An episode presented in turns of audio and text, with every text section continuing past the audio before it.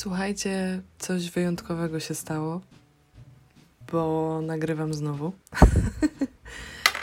po milionie lat, e, po wielu tygodniach pytań, e, próśb i tym podobnych, okazało się, że znalazłam wolny wieczór, e, kiedy mogę w końcu nagrać materiał, który obiecałam Wam na krótko po obronie mojej pracy magisterskiej, która, przypominam, odbyła się na początku lipca.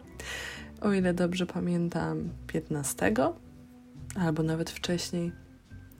Mamy 7 listopada, jak to nagrywam, bo jest 4 minuty po północy. Także nie będę chyba tego komentować. Słuchajcie, dzisiaj, tak jak po tytule zupełnie widzieliście, powracamy na moment do Prawieku, do wsi Prawiek e, stworzonej przez Olgę Tokarczuk w ramach jej powieści Prawiek i inne czasy. Ja pozwolę sobie tak od razu przejść do rzeczy, do meritum sprawy, nie robiąc jakichś przydługich wstępów, e, nie przeczytawszy moich notatek, które robiłam już jakiś czas temu, więc mam nadzieję, że ten taki flow, jakiś taki feeling, który mnie złapał dzisiejszej nocy, sprawi, że przepłynę przez ten odcinek w miarę logicznym wywodem, który będzie dla Was zrozumiały, ponieważ dzisiaj będziemy sobie rozmawiać o prawieku innych czasach w kontekście tego, co badałam w mojej pracy magisterskiej, to znaczy mm, w jej ramach zrobiłam dosyć szerokie badanie tej książki, więc jestem w stanie Wam podrzucić trochę więcej informacji poza tymi, które przekazałam już razem z Martą w regularnej recenzji, która znajduje się na kanale. I ten mój dzisiejszy wywód będzie podzielony na kilka elementów. E, I te elementy wybrałam właśnie tak jak w mojej pracy magisterskiej, e, i będzie to wyglądało mniej więcej tak, że omówimy sobie prawiek w mm, kontekście takim konstrukcyjno-narracyjnym, omówimy bardzo krótko wątki, e, linearność, konwencje, formy retrospektywne. Omówimy sobie prawiekową przestrzeń wszechświat, Polskę, prawiek, domy i gniazda rodowe. Gniazdo rodowe jest takim e, pojęciem wyróżnionym przez Danutę Szymonik, która e, analizowała dosyć głęboko e, literaturę bułgarską, e, literaturę rosyjską, w każdym razie tą wschodnioeuropejską, wschodniosłowiańską. E, I ona właśnie tam wyróżnia takie, takie, takie pojęcia jak gniazdo rodowe, które jest sercem rodziny. To nie jest dom jako budynek, ale dom jako serce rodziny, gdzie mieszka prawdopodobnie wielopokoleniowy ród, który jest ostoją wszystkiego, co kojarzy się ze słowem rodzina, czyli jakiegoś takiego rodzinnego ciepła, tradycji, ochrony itd., tak itd. Tak A co pisarze z tym gniazdem rodowym już robią, to już jest ich. Omówimy sobie czas, omówimy sobie rolę rodziny, omówimy sobie portrety postaci, i dialog międzypokoleniowy, który między nimi zachodzi. Omówimy trochę tło polityczno-historyczne i omówimy trochę elementy niezwykłe, e, wchodzące w ramy mm, metafizyki i realizmu magicznego, który się przedstawia w tej książce. E, słuchajcie, cały ten wątek prawieku i innych czasów w mojej pracy magisterskiej zajął mi dużo stron. Całość miała prawie 150 stron, sam prawiek Mm, zajął mi zdecydowanie najwięcej miejsca, w związku z czym będziecie musieli mi wy, jakby wybaczyć pewnego rodzaju skrótowość, którą tutaj będę stosować, e, bo chciałabym jednak przejechać przez mm, większość tych wątków, chociażby w, jakiś, w jakimś stopniu, chociażby minimalnym. Słuchajcie, chociażby może inaczej. Może zróbmy tak.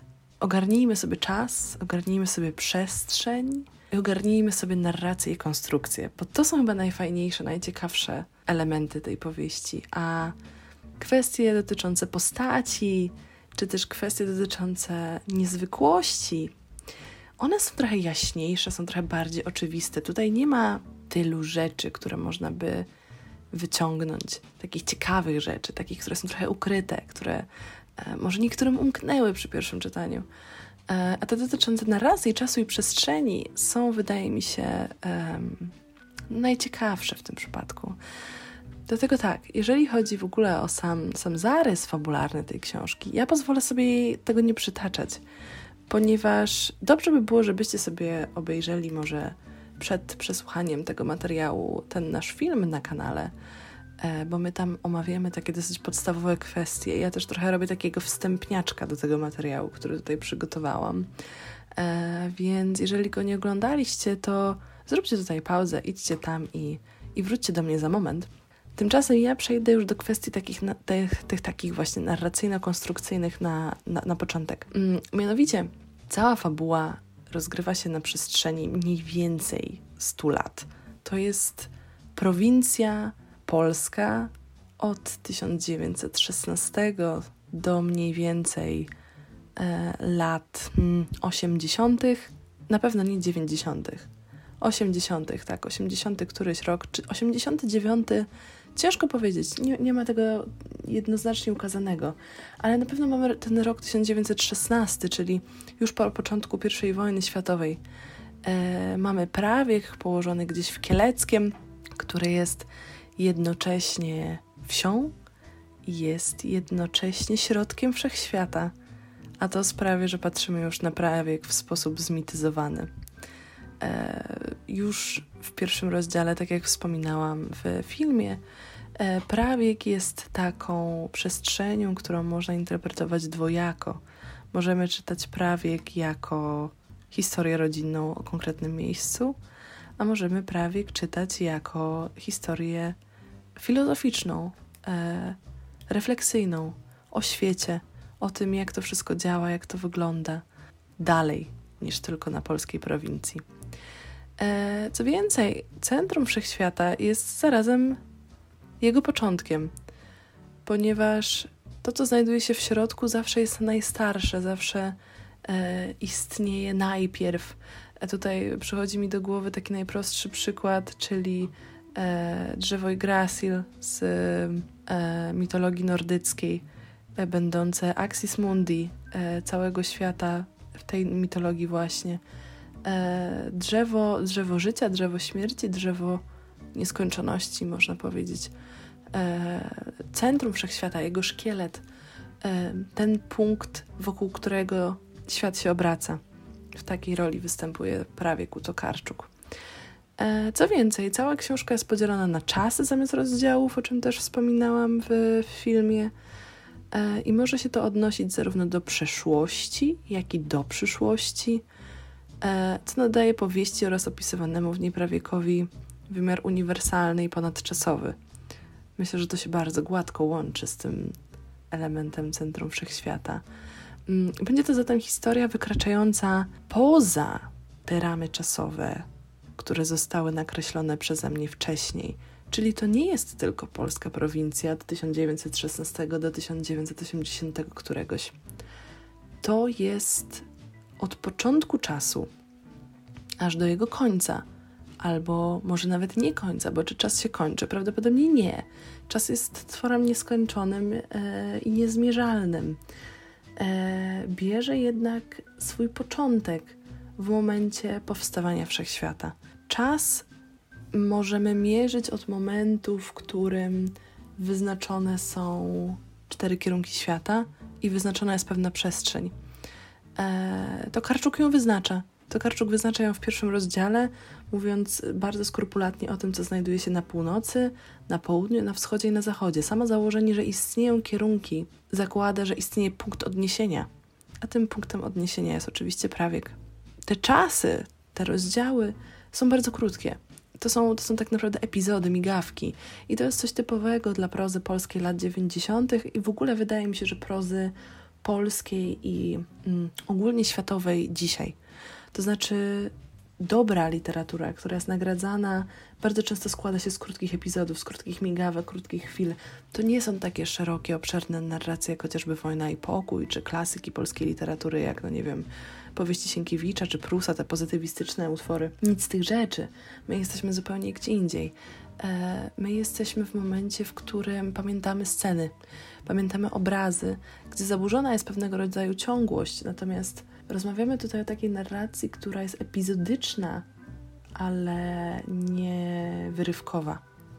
przynajmniej w przypadku prawieku. Co więcej, w samym prawieku wszystko ma swój czas i nie tylko byty ziemskie, czyli ludzie na przykład, e, ale także istoty należące do innego porządku, do porządku metafizycznego. I mamy tutaj oczywiście do czynienia z czasem chociażby anielskim. E, Tokarczuk zatem nikogo ani niczego nie wyróżnia, e, nadając rangę bohatera powieści zarówno mieszkańcom prawieku, jak i przedmiotom, roślinom, zwierzętom. Mm, to jest taki pogląd, który bierze się prawdopodobnie z poglądów między innymi buddyjskich, gdzie zwierzęta mają chyba bodaj mm, wyższą rangę niż ludzie. To jest w ogóle ciekawe.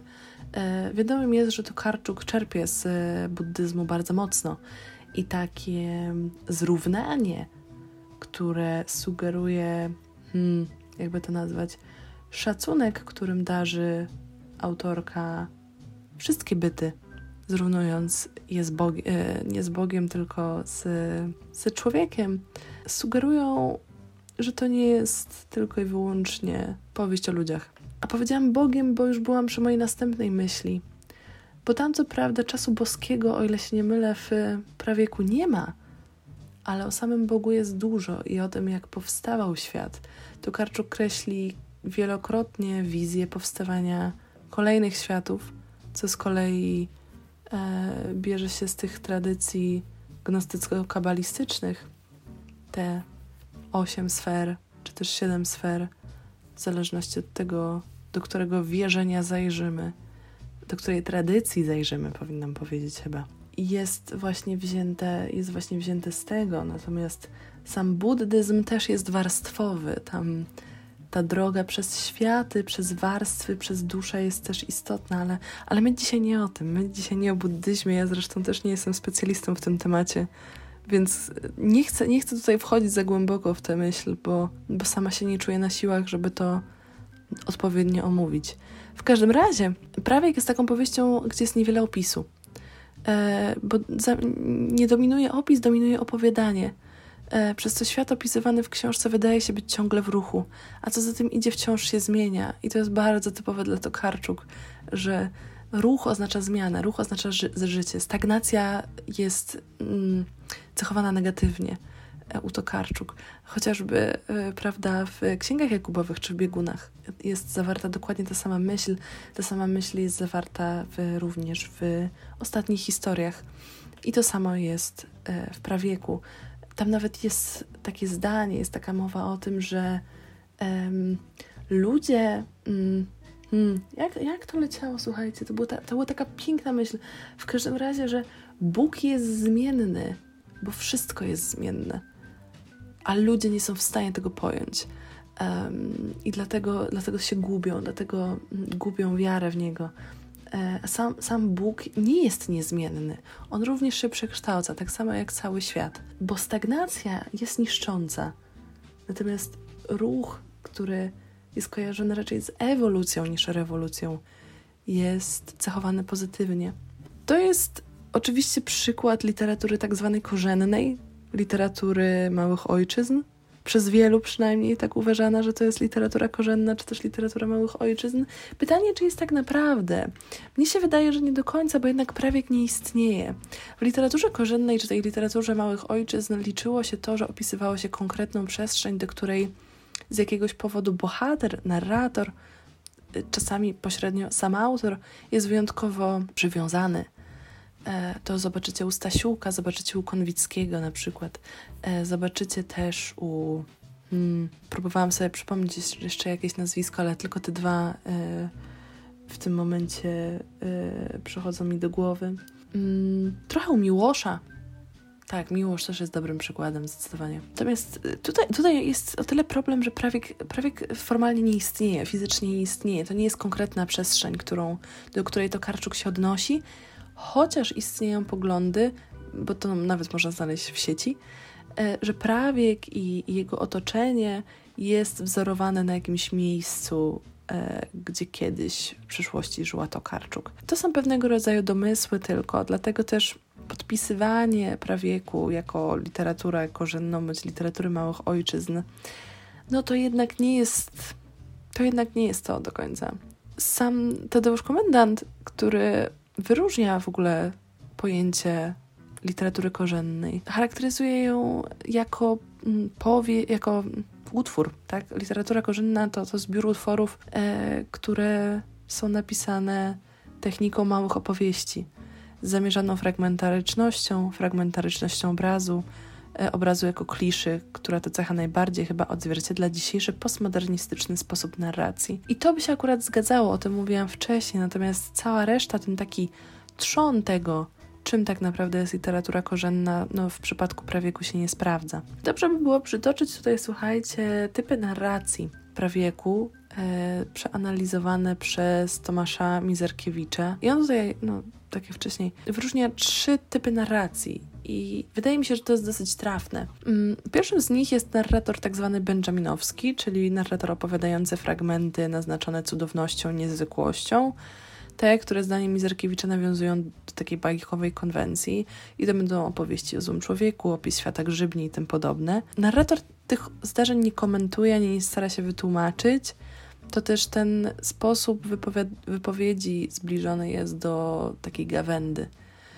Nie istnieje wytłumaczenie, ponieważ ono nie jest potrzebne. W ramach tego świata, w ramach tej rzeczywistości, istnienie żywego świata grzybni i istnienie złego człowieka jest absolutnie wytłumaczalne. To jest coś, co zbliża prawie bardzo mocno do realizmu magicznego. E, drugim z wymienionych typów jest narrator opisujący fragmenty mityzowane i przejawia się on we wszystkich scenach, w których odnaleźć można aluzje do opowieści mitycz mitycznych. I to będą wszystkie rozdziały poświęcone opisom ośmiu światów z gry Dziedzica Popielskiego. Będą to nawiązania do kultu Wielkiej Matki pojawiającej się w wątku Kłoski. Będzie to oczywiście scena spotkania Kłoski i Uklei, który chce poślubić córkę Kłoski, czyli Rutę. E, odwołujący się do greckiego mitu o Demeter i jej córce Korze.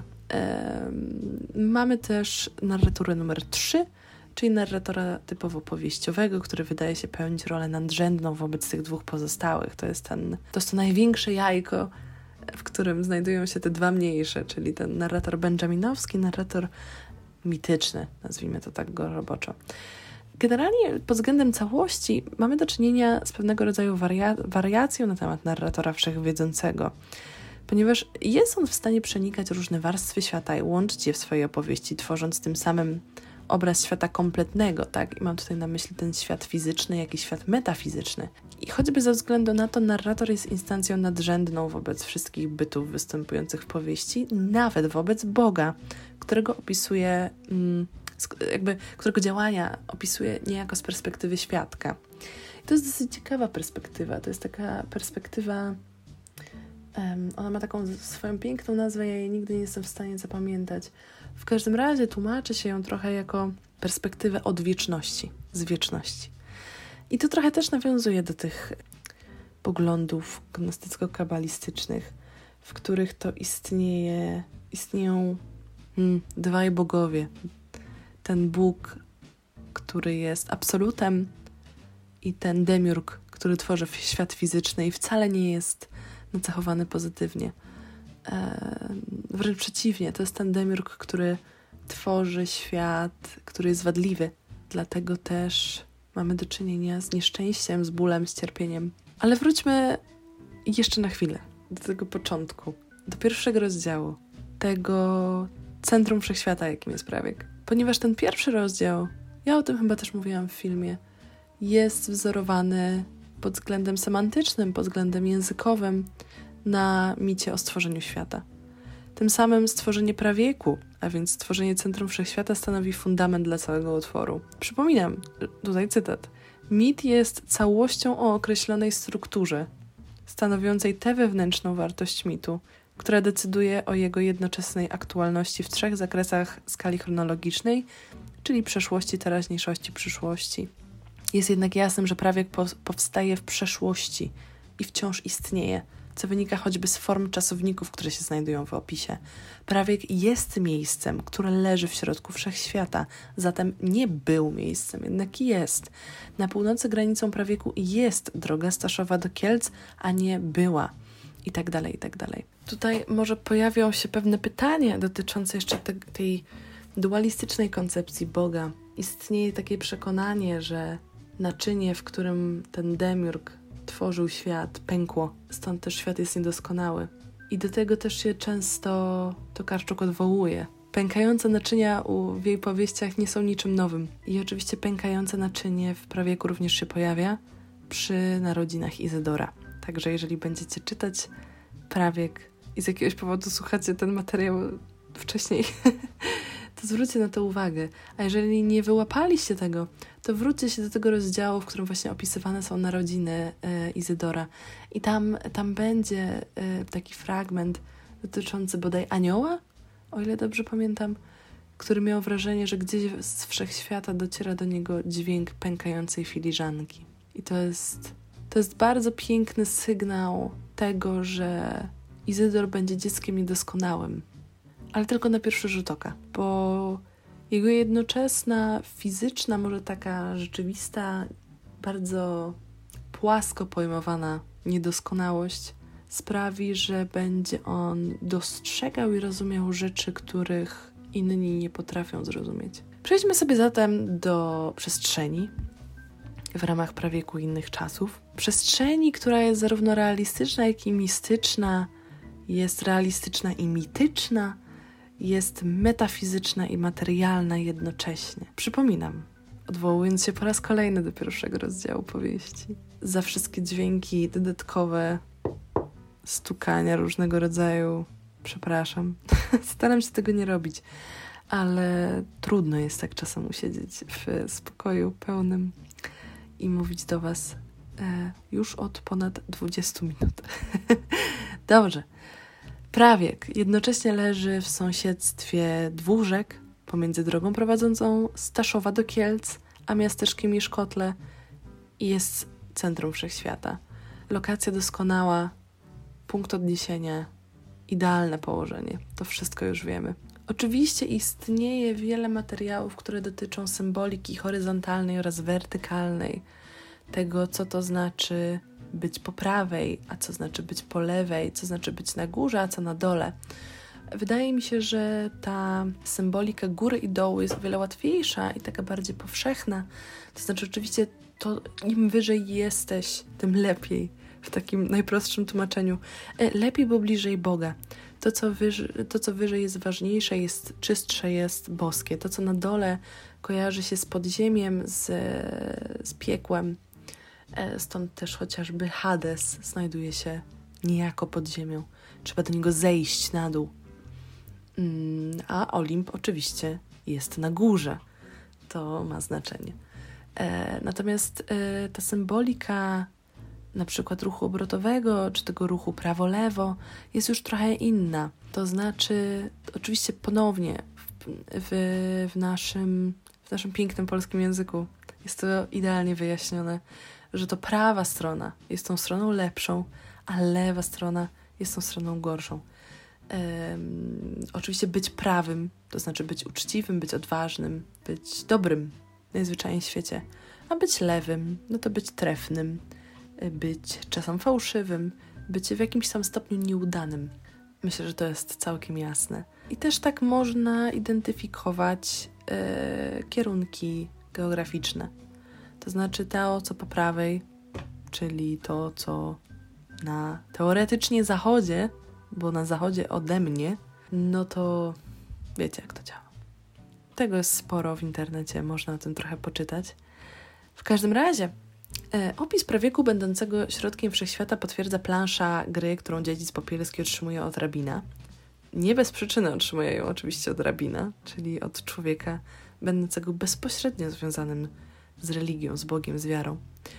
E, I przedstawiono w tej grze osiem światów, wszystkie opisane w kolejnych rozdziałach powieści zatytułowanych Czas gry, e, wśród których pierwszym centralnym jest właśnie prawiek.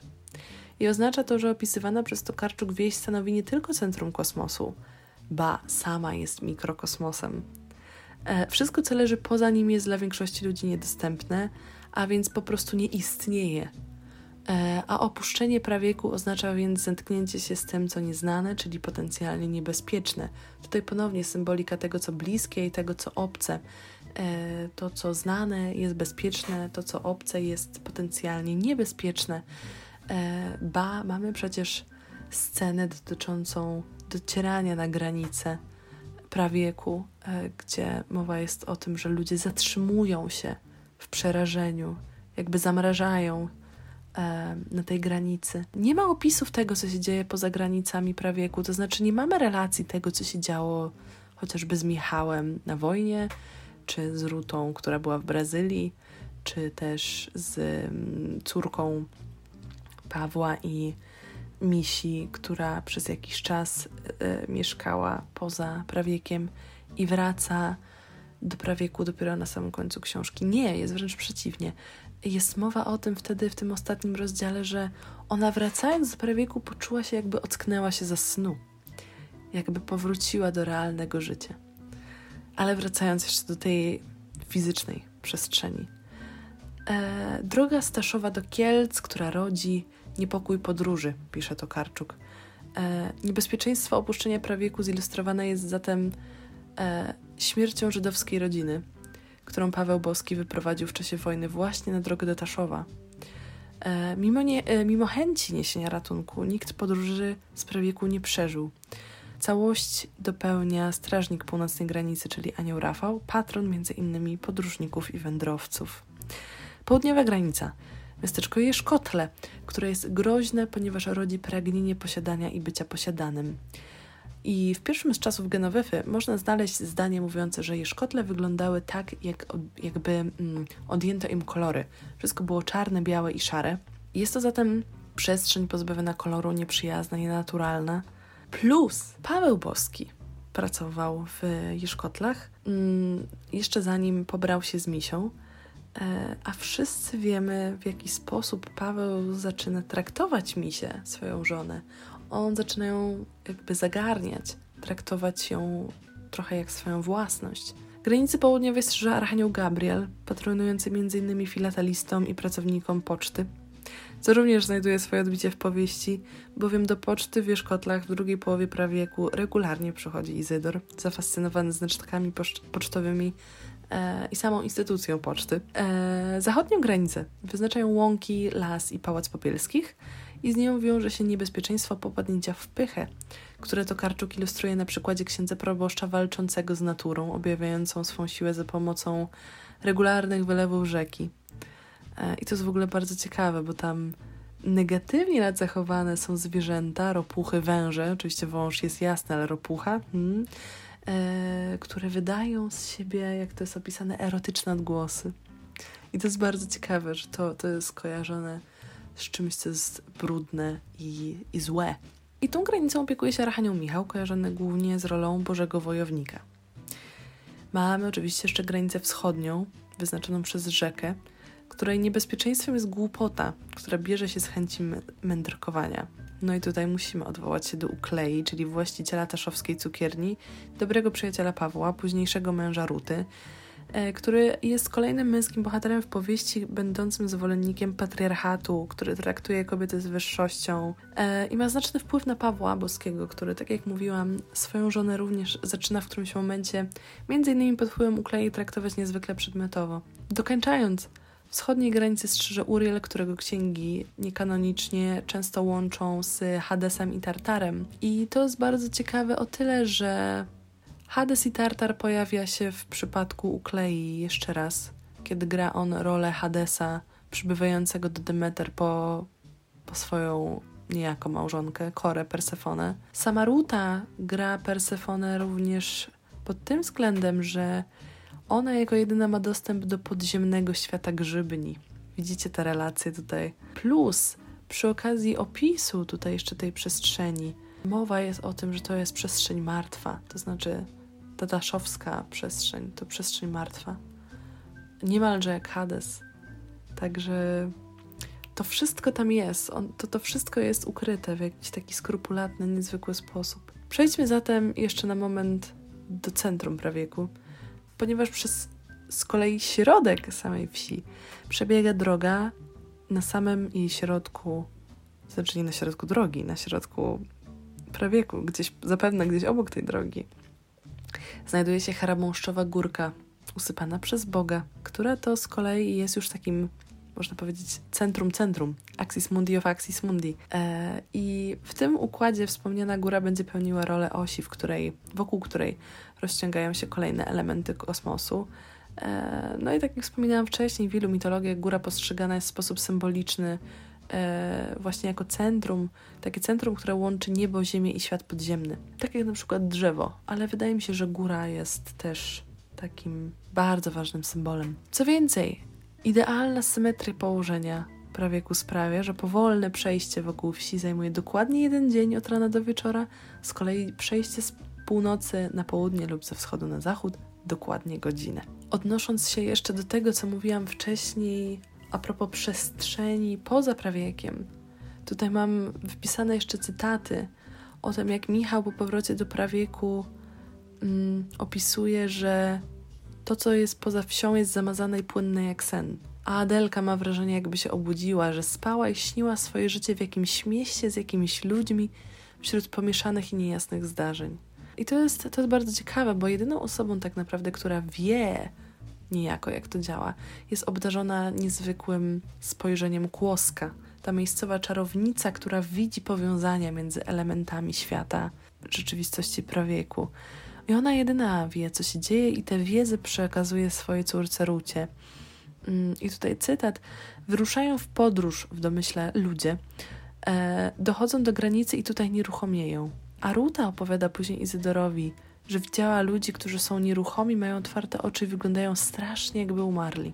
E, sama Kłoska wraz z Rutą mieszkają w lesie, także powiązanie kobiety, mm, która widzi więcej z naturą, doprowadza nas szybciutko do nawiązania kultu Wielkiej Matki, między innymi. Tam, właśnie w lesie, w swoim domu, w jego centrum, e, ona otrzymuje dar widzenia, zarysów innych światów innych czasów. No ona będzie pełniła tę rolę odrzuconej e, na margines wiejskiej wiedźmy. I oczywiście dla zwykłych śmiertelników las to przestrzeń groźna, niebezpieczna, dzika, zachowuje się jak zwierzę, które broni do, do siebie dostępu. Część lasu jest nawiedzona, e, tam mieszka e, zły człowiek, a w jego sercu, w samym sercu tego lasu znajduje się jego serce, dosłownie i w przenośni, czyli grzybnia. I Anna Larenta pisze tak: Tokarczuk odwołuje się w tym fragmencie do obecnej w wielu kulturach metafory matki, matki ziemi, dewczyni życia, uosobienia płodności, macierzyństwa. Autorka uzupełnia jednak to archetypiczne wyobrażenie o pępowinę, czyli grzybnie. I dzięki niej matka ziemia przesyła swoim dzieciom niezbędne do życia składniki. I mnie się to bardzo podoba. Przestrzeń zdominowana przez przyrodę jest w takim razie nacechowana magicznie.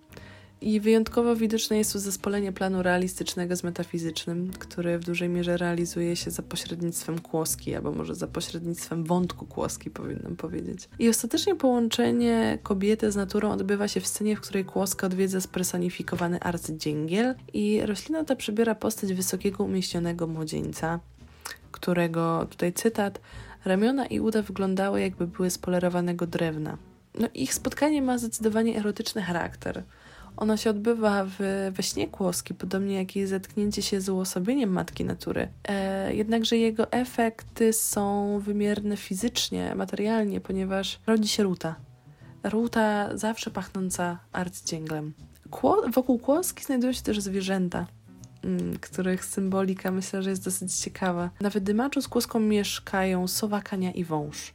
Sowa to oczywiście mądrość, wąż to oczywiście według um, takiego patrzenia biblijno-chrześcijańskiego zło, biorąc pod uwagę to, w jaki sposób odrzucono kłoskę, jak zarzucono jej szarganie, prawda, natury mieszkańców prawieku, to wydaje mi się być całkiem ciekawy atrybut. Kania też jest nacechowana negatywnie, szczególnie w podaniach ludowych, w których potrafiła zmieniać się w młodą kobietę, która zabiera wiejskie dzieci. Symbolizuje więc zło, jest to zwierzę wyklęte, dla którego nie ma we wsi miejsca, tak samo jak nie ma go dla kłoski. Ciekawie to Karczuk opisuje topos domu, bo to nie jest klasyczny dom jako centrum ciepła, ochrony, bezpieczeństwa.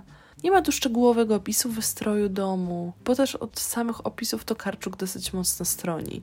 Tutaj wyjątkowy na pewno jest dom Pawła i Misi, ponieważ stanowi on na pewnym poziomie przedłużenie prawieku, bo podobnie jak cała wieś jest on umiejscowiony niezwykle symetrycznie i zbudowany niezwykle symetrycznie. Jego boki bowiem odpowiadały czterem stronom świata, Dom miał kształt idealnego kwadratu. I tutaj według Eliadego, myślę, to też należy przytoczyć, dom jest przestrzenią, w ramach której powtórzony zostaje akt stworzenia świata. I w przypadku domu Pawła i Misi to się właśnie dokonuje. E, dom Boskich jest więc taką przestrzenią mm, przyjazną, zapewniającą ciepło i bezpieczeństwo, jedyną tego typu. E, jak pisze Olga Fliszewska, mieć dom to mieć korzenie, tradycje, możliwość powrotu, to mieć podstawy do otwierania się na świat, oswajania go, stworzenia z niego własnego mieszkania. Zatem jest to taka przestrzeń domowo wyróżniona. Tym bardziej, że jest to budynek, jest to dom podziwiany przez absolutnie wszystkich, a Ruta uważa, że to, to czy ona sobie wybiera niejako ten dom na swojego ulubieńca spośród wszystkich we wsi. Prawiek jest także przestrzenią wojny. Jest także przestrzenią, w ramach której obserwujemy wkroczenie sił chaosu. I niemiecka armia jest w tym układzie tym obcym, który niszczy porządek prawieku, pali je szkotle, wywozi z niego żydowską ludność. Nie jest to jednak jedyna zewnętrzna ingerencja w przestrzeń prawieku, bowiem wraz z nadejściem armii radzieckiej wieś się, staje się polem bitwy. Przez centrum prawieku przechodzi linia frontu. Tym samym Tokarczuk odwołuje się do aktu pęknięcia, fragmentaryzuje prawiek. Nie jest więc już to miejsce charakteryzujące się stałością, ciągłością. Prawiek zaczyna się zmieniać. Dlatego też następuje jego przeniesienie do przestrzeni lasu, gdzie da się go odtworzyć jako namiastkę. Um, I cały, cały ten moment, cały ten okres wojenny ukazany jest y, z perspektywy osób z zewnątrz. Dwóch y, żołnierzy, żołnierza niemieckiego, żołnierza radzieckiego. I to jest dosyć ciekawy zabieg w tym przypadku. E, natomiast pamiętajmy, miejmy to w głowie cały czas, że chociażby mimo tego, że Tokarczuk uznaje ruch za, za pozytywny, zmianę za pozytywną, to jednak działania wojenne w ramach prawieku nie są ruchem, nie są zmianą pozytywną. To jest już chaos, który niszczy. Chaos, który niszczy, a który nie tworzy. Zmiana zakłada zniszczenie czegoś, by hmm, powstało coś nowego. Ten chaos wojenny nie jest siłą będącą w stanie coś stworzyć z tego, co zniszczy. Słuchajcie, no nie byłabym sobą, gdybym w tym odcinku nie powiedziała wam trochę o młynie i młynku do kawy. Wydaje się, że w centrum, jeżeli chodzi o bohaterów prawieku, są niebiescy, którzy zajmują się młynem, który ma oczywiście w społeczności wiejskiej wyjątkowe znaczenie, bowiem chodzi o wytwarzanie chleba, który jest podstawowym posiłkiem, podstawowym rodzajem jedzenia dla wszystkich oczywiście, e, ale na wsi wyjątkowym. E, co więcej, oczywiście chleb kojarzymy pozytywnie w kulturze chrześcijańskiej, także ta pozycja niebieskich jest tutaj e, sama w sobie wyjątkowa już na dzień dobry. I przedłużeniem tego młyna jest młynek do kawy, który Michał przywozi misi z wojny. I wielokrotnie Tokarczuk odwołuje się w prawieku do tego, że młyn był motorem napędzającym świat, maszynerią, która wprawia go w ruch. I mamy tutaj na myśli oczywiście cały wszechświat. W takim razie góra będzie naszym axis mundi, natomiast młyn będzie takim, taką instalacją, która sprawia, że to wszystko działa. Wyjątkowość młyna i młynka do kawy wynika z magicznie nacechowanego ruchu obrotowego. Ruch tak zwany ze słońcem jest uważany za pozytywny, oznacza ruch do przodu, w przyszłość, zgodnie z biegiem czasu. Ruch przeciwny więc pod słońce interpretowany jest przeciwnie, czyli negatywnie, między innymi ze względu na, na to, że ten ruch wykonywany przez młyńskie koło no, nabiera symbolicznego znaczenia. W buddyzmie istnieją też właśnie młynki modlitewne i właśnie ten, ten magiczny ruch obrotowy ma tutaj zastosowanie i ma tutaj duże znaczenie. E, I Jerzy Adamczewski dokładnie opisuje cały rytuał związany z kolei z budową młyna, zaznaczając, że cytat Konstrukcja młyna odzwierciedla obrzędową stronę mitu kosmogonicznego, czyli tego mitu o powstaniu wszechświata. Podwaliny młyna ułożone są w, czy, w cztery strony świata, co nie tylko łączy porządek kosmiczny z ziemskim, ale w kontekście powieści idealnie dopasowuje się do położenia prawieku.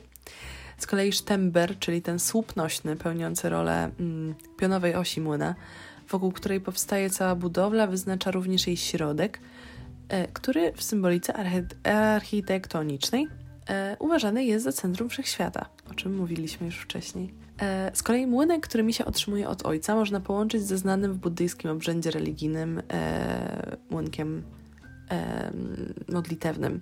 I tutaj cytat. Sens obracania młynka modlitewnego to powodowanie ogólnego, pomyślnego biegu świata, co łączy się z symboliczną rolą ruchu obrotowego, który ma zastosowanie magiczne. Wedle dalekowschodnich wierzeń ruch modlitewny młynka oczyszcza świat ze zła i utrzymuje w nim porządek, co przejawia się m.in. w pozytywnej reinkarnacji po śmierci, a ta z kolei objawia się uniknięciem transmigracji w niższe formy bytu, czyli gady, ptaki, czworonogi. I tutaj cytat z samego prawieku już – może młynki do kawy są osią rzeczywistości, wokół której to wszystko się kręci i rozwija.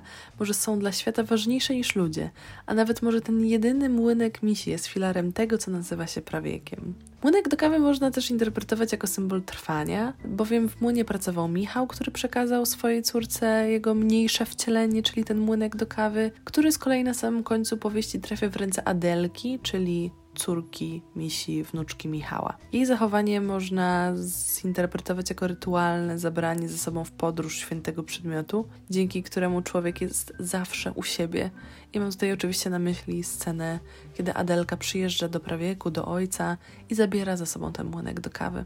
E, I Beata Cisowska pisze o tym młynku w ten sposób.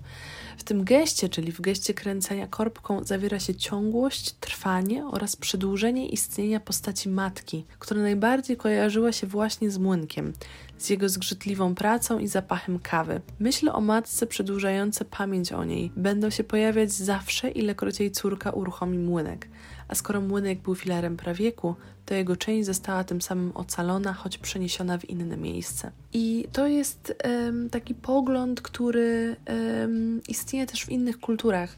To znaczy, o ile się nie mylę, chociażby w kulturze aborygenów e, istnieją takie jak gdyby słupy, które wyznaczają centrum wszechświata, ale te słupy migrują, to znaczy one wędrują razem z ludźmi. To też Wszędzie, gdzie jest ten słup, jesteśmy u siebie. Nigdy nie zachodzimy do przestrzeni obcej, jeżeli mamy go ze sobą, bowiem niesiemy do swoje centrum razem ze sobą. I oczywiście, no trzeba tutaj powiedzieć, już jakby wracam do, do wątku przestrzeni, o tej przestrzeni metafizycznej, e, czyli tej przestrzeni opisywanej w grze Popielskiego. W instrukcji do tej gry e, dołączono taki zapis, iż gra jest mapą ucieczki, zaczyna się w centrum labiryntu, a jej celem jest uwolnienie się z pięt ośmiu światów. No i tak jak wspominałam trochę wcześniej, stanowi to wyraźnie nawiązanie do, do tradycji gnostyckiej. A według Marcina Czerwińskiego, który w ogóle napisał bardzo ciekawą książkę trochę na ten temat, to on, on to odwołuje konkretnie bardzo do gnozy późnoantycznej. Więc jeżeli ktoś jest zainteresowany tym tematem, to w ogóle niech sobie wyszuka tę książkę. On się, ta książka się nazywa Smutek Labiryntu. Bardzo ciekawa rzecz. Według gnostyków ludzka dusza, a konkretnie jej bąska cząstka uwięziona jest w dwóch płaszczyznach w ciele i w świecie, który stanowi dla niej przestrzeń no niejasną, zawiłą, trudną. I każdy świat ma według tej koncepcji strukturę labiryntu, z którego uciec można tylko w, trasie, w trakcie snu czy wizji. To też się sprawdza w prawieku. Jest kilka takich scen, które to sugerują. I według innych wierzeń człowiek może opuścić labirynt dopiero po śmierci, natomiast samą przestrzeń Również to Karczuk opisuje może niekoniecznie jako labirynt, ale jako przestrzeń zamkniętą, szczególnie w czasie wojny, bowiem to chyba misia patrzy w niebo i ma wrażenie, jak gdyby była zamknięta, jakby niebo było przykrywką. To też to wrażenie bycia uwięzionym w jakiejś przestrzeni, w jakiejś fizycznej przestrzeni jest też w prawieku obecne. Natomiast w tej tradycji gnostyckiej i w, także w tradycji kabalistycznej no, znajdujemy to pytanie, skąd wzięło się zło, no, co potwierdza niejako tezę o niedoskonałym dziele niedoskonałego Boga, bowiem Bóg jest istotą, która wyłania się z ciemności, w którą uderza światło. I to jest bardzo ciekawe. E, ciemność oczywiście kojarzona negatywnie, światło kojarzone pozytywnie. Wszystko tutaj jest, e, myślę, jasne. No i jest czas, czyli ten nasz ostatni punkt, który dosyć, dosyć szeroko rozpisałam. dosyć dużo tego będzie. sama przestrzeń zamknięta, czyli świata niedoskonałego, nieprzyjaznego do końca ludziom, podbijana jest przez jeszcze jeden element, czyli czas. Tutaj muszę przywołać widzianego zresztą przez bohaterów prawieku Uroborosa, czyli węża pożerającego swój własny ogon, węża pożerającego czas, e, uważanego przez gnostyków za symbolikę uwięzienia człowieka nie tylko w przestrzeni, lecz także w czasie. E, to też mocno powiązane są w, w prawieku porządki temporalny i przestrzenny, czyli czasowy i przestrzenny. Mm, to już widać po samym tule. Nazwa prawiek wskazuje skojarzenie z początkiem świata, a tak jak wspominałam wcześniej, z początkiem czasu. Przestrzeń jest nie, jakby nierozerwalnie związana z pojęciem czasu. Cały tytuł można więc interpretować na kilka sposobów. Inne czasy można odbierać jako kategorie czasu, które powstają w następnej kolejności, zaraz po przestrzeni. To znaczy, najpierw mamy prawiek, a potem inne czasy, czyli przeszłość, przyszłość, teraźniejszość. Prawiekiem można nazwać moment tworzenia się przestrzeni, narodzin czasu mierzalnego, możliwego do określenia, bo poza przeszłością, teraźniejszością i przyszłością powstają szerokość, długość i wysokość. To zwraca uwagę w jednym momencie, w którym Izydor porządkuje świat, tworząc kompilację tak zwanych rzeczy poczwórnych i odnotowuje tam następujące zestawy na początku. Cztery aspekty czasu, cztery, cztery wymiary. Później ta lista się oczywiście rozszerza. Czas jest takim elementem, który według gnostyków, podobnie jak rzeczywistość materialna, porządkowana jest woli demiurga. I tak przedstawiony czas jest jeszcze jednym narzędziem represji wobec człowieka, który nie jest w stanie go pojąć. Co za tym idzie, oprzeć się mu. Także, tak jak mówię, kolejne narzędzie opresji, które stosowane jest wobec jednostki. Mm, tutaj w, w samej powieści mamy do czynienia oczywiście z czasem linearnym, tymczasem historycznym, płynącym naturalnie w przód. Nigdy jednak nie jest on ściśle określony, to znaczy nigdy nie mamy podanych pełnych, konkretnych dat, e, bo pojawiają się tylko takie określenia jak latem 14 roku. W związku z wydarzeniami historycznymi, których nie zaznaczono w powieści wiele, Tokarczuk wprowadza również przekształcony motyw czasu kolistego. E, bohaterowie prawieku są świadomi niepowtarzalności i wyjątkowości przeżywanych przez nich chwil, E, I to zauważa na przykład Misia, kiedy obserwuje rosnący wokół jej domu sad. Ona tam zauważa, że czasu nie da się zatrzymać i nic nigdy nie jest takie samo, jak w tym konkretnym jednym momencie.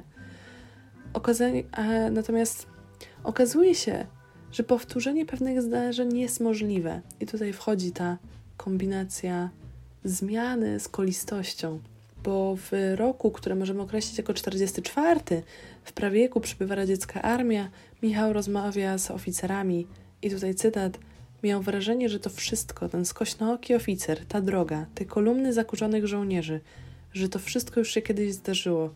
Wydawało mu się, że czas zakręcił młynka. Tutaj jeszcze piękne semantycznie tutaj nawiązujemy do elementów tak ważnych dla prawieku. Także Tokarczuk korzysta tu z metafory ruchu kolistego e, i jeszcze raz przy okazji powraca do młyna rozumianego jako narzędzie wpływające na czas i otaczającą bohaterów rzeczywistość.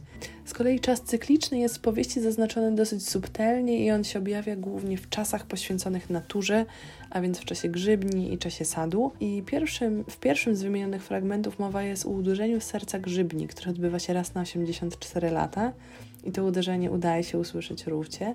Z kolei w czasie sadu, w całości poświęconemu opisowi dwóm czasom sadu, które przeplatają się i następują rok po roku. Tutaj mamy oczywiście czas jabłoni czas grusz. I rok jabłoni charakteryzuje się dynamicznymi zmianami, ruchem, intensywnością działań, jest taki bardzo aktywny. E, rok grusz natomiast jest jego zaprzeczeniem. To jest czas trwania, odpoczynku, spokoju i pewnego rodzaju stagnacji. I w ten sposób ukazana zostaje, zostanie, zostaje nie tylko porządek świata natury, lecz także ludzi, e, czyli tego takiego balansu między działaniem a byciem. Mówi się czasami o takim, jest takie określenie. Ja chyba też je nawet udostępniłam na swoim Twitterze. More being than doing. Więcej bycia niż robienia. I to jest to. Jest to. Także czas w prawiku jest rozszczepiony, jest niejednorodny i, i jego struktura odpowiada też konstrukcji książki. Tokarczuk przyznaje wielu różnym bytom ich własne czasy, co wzmaga poczucie wydarzeniowości, takiej niekompletności, takiego zagubienia. E, stąd też tytuł powieści można również odbierać w kontekście mm, prawieku, czyli przestrzeni i innych czasów, czyli tych subiektywizowanych, widzianych oczami występujących w książce postaci. W związku z czym czas wydaje się być sferą sfragmentaryzowaną, e, sfragmentaryzowaną bardziej niż cokolwiek innego w tym świecie przedstawionym. Jest taki bardzo dobry artykuł Krzysztofa Bręskota, który nawiązuje do różnych, różnych wydarzeń, różnych e, wydarzeń w prawieku, które odwołują się do konkretnych wierzeń, szczególnie właśnie tych gnostycko-kabalistycznych. I on pisze tak, że e, rozkawałkowanie przestrzeni i czasu wynika z koncepcji rozbicia naczyń, e, która została opisana w kabale Izaaka Lurie, o której tam wspominałam. I choć Bręskot przywołuje w swoim artykule cytaty z biegunów i ksiąg Jakubowych, by dowieść, że Tokarczuk jest zaznajomiona z koncepcją rozbitych naczyń, e, to również w prawieku można odnaleźć ten fragment, tak jak mówiłam, w tym jednym z, czasie, z czasów Izydora. I mamy oczywiście tutaj przedstawione także y, perspektywy na pojmowanie czasu przez zwierzęta. Dzięki y, rozdziałowi, który nazywa się Czas lalki, chodzi tutaj oczywiście o psa misi. E, zwierzęta nie znają kategorii przeszłości, teraźniejszości ani kategorii przyszłości, bowiem dla nich istnieje tylko ciągły czas, ciągłe teraz, wieczny teraz. Widzą więc świat bardziej w formie migawek czy obrazów, które nie łączą się w całość. E, I ten sposób odbierania czasu znany e, jest. Mm, to znaczy, mam na myśli, że ten ciągły taki sposób widzenia czasu jest znany tylko ludziom a to oznacza, że zwierzęta nie odczuwają przemijania. Z kolei rośliny, drzewa tutaj opisywane przez Tokarczuk, e, które reprezentują cały świat roślin w powieści, są uwięzione w przestrzeni, lecz nie w czasie. I one trwają w stanie takiego wiecznego snu, który między sobą dzielą. To znaczy, wieczność snu przekłada się na wieczność samych drzew, e, a także postrzegania w ten sposób ludzi, i tutaj cytat: Kiedy drzewo umiera, jego sen bez znaczeń i wrażeń przejmuje inne drzewo. To też rośliny nie mają świadomości istnienia, a to wyzwala je z okowów czasu. Są też przedmioty, czyli byty zanurzone w innej rzeczywistości, gdzie nie ma ani czasu, ani ruchu. E, mamy tutaj więc jeszcze inną perspektywę. I przedmioty naznaczone są przez ideę trwania jako takiego, bowiem potrafią zatrzymywać to, co ulotne, to, co przemijalne jako jedyne ziemskie byty są w stanie powstrzymać działanie czasu. E, a taki rodzaj istnienia jest wobec innych bytów wyróżniający. Trwanie reprezentowane przez przedmioty uważa się za coś więcej niż życie zwierząt i roślin. I to rozkawałkowanie czasu jest uświadomione przez bohaterów, a konkretnie przez misie. Ona, ona uświadamia sobie, że istnieją prywatne, wewnętrzne strumienie czasu, które należą do konkretnych ludzi. Także bardzo dosadnie Tokarczuk pokazuje, że czas jest niemierzalny, chociażby ze względu na to, że nie istnieje jedna liniowa struktura czasu. Jest ich tak wiele, że każde istnienie ma ten swój czas. Ale mamy też w prawieku odwołanie do koncepcji czasu mitycznego.